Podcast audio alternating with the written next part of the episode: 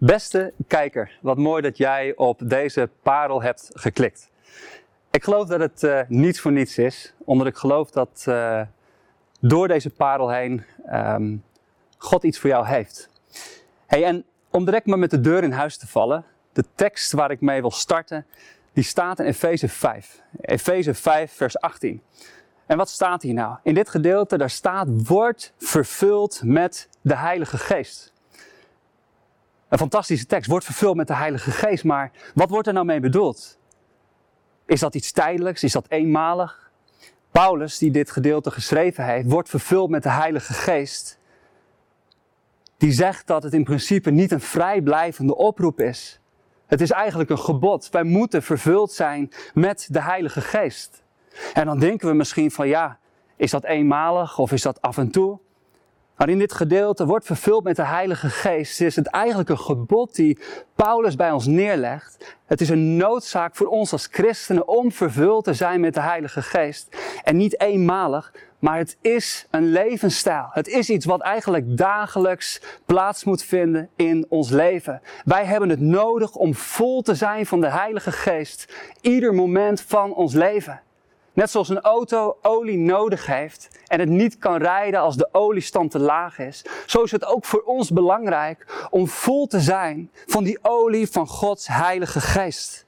Het is iets waar we ons dagelijks naar uit mogen strekken.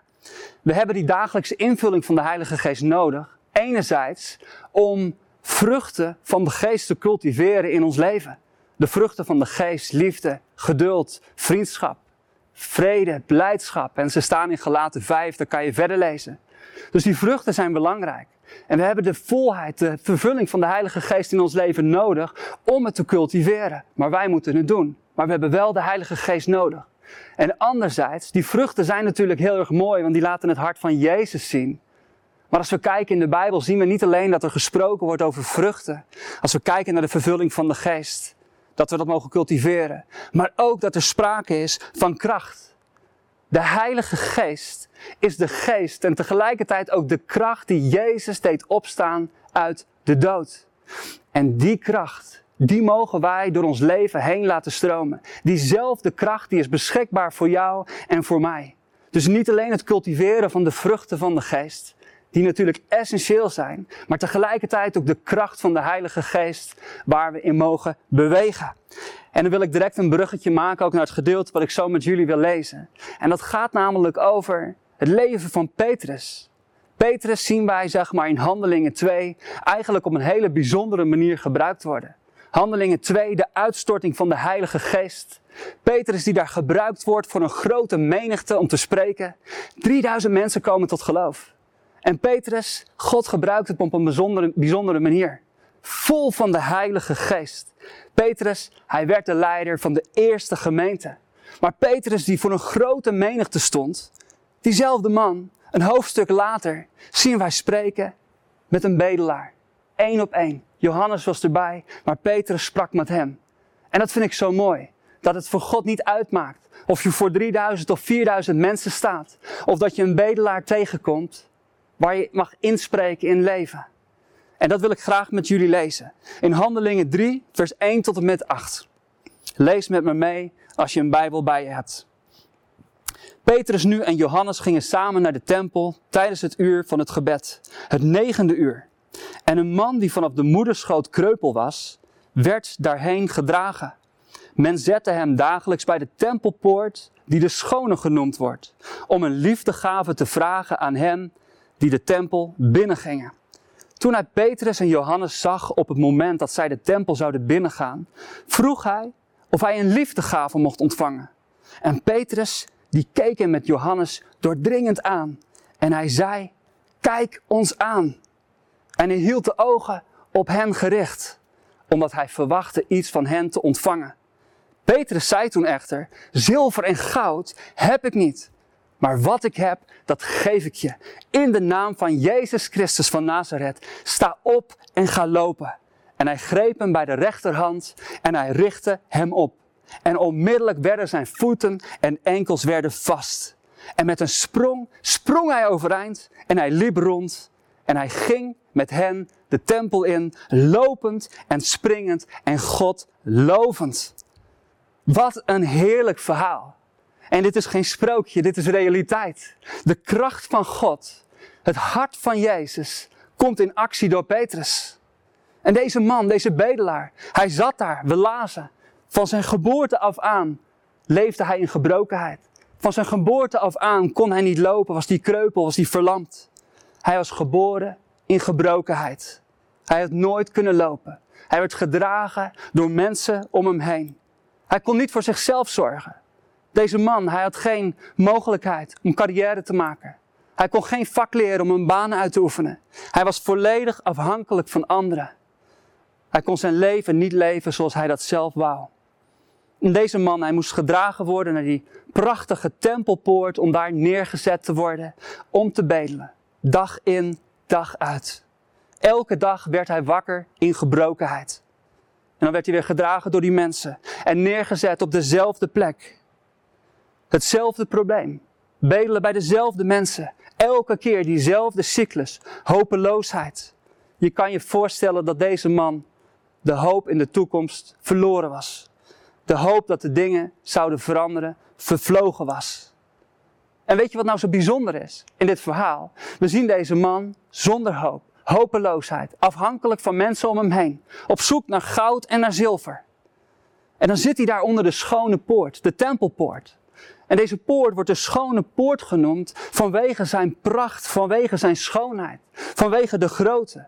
Deze poort was versierd met bladgoud en zilver en brons. De schoonheid van deze poort was verbluffend, maar zo tegenstrijdig. De man die op zoek is naar goud en zilver zit onder een poort van goud en zilver. En toch moest hij bedelen om geld. Hij had niet het vermogen om voor zichzelf te zorgen. Hij zat vast in een cyclus van gebrokenheid.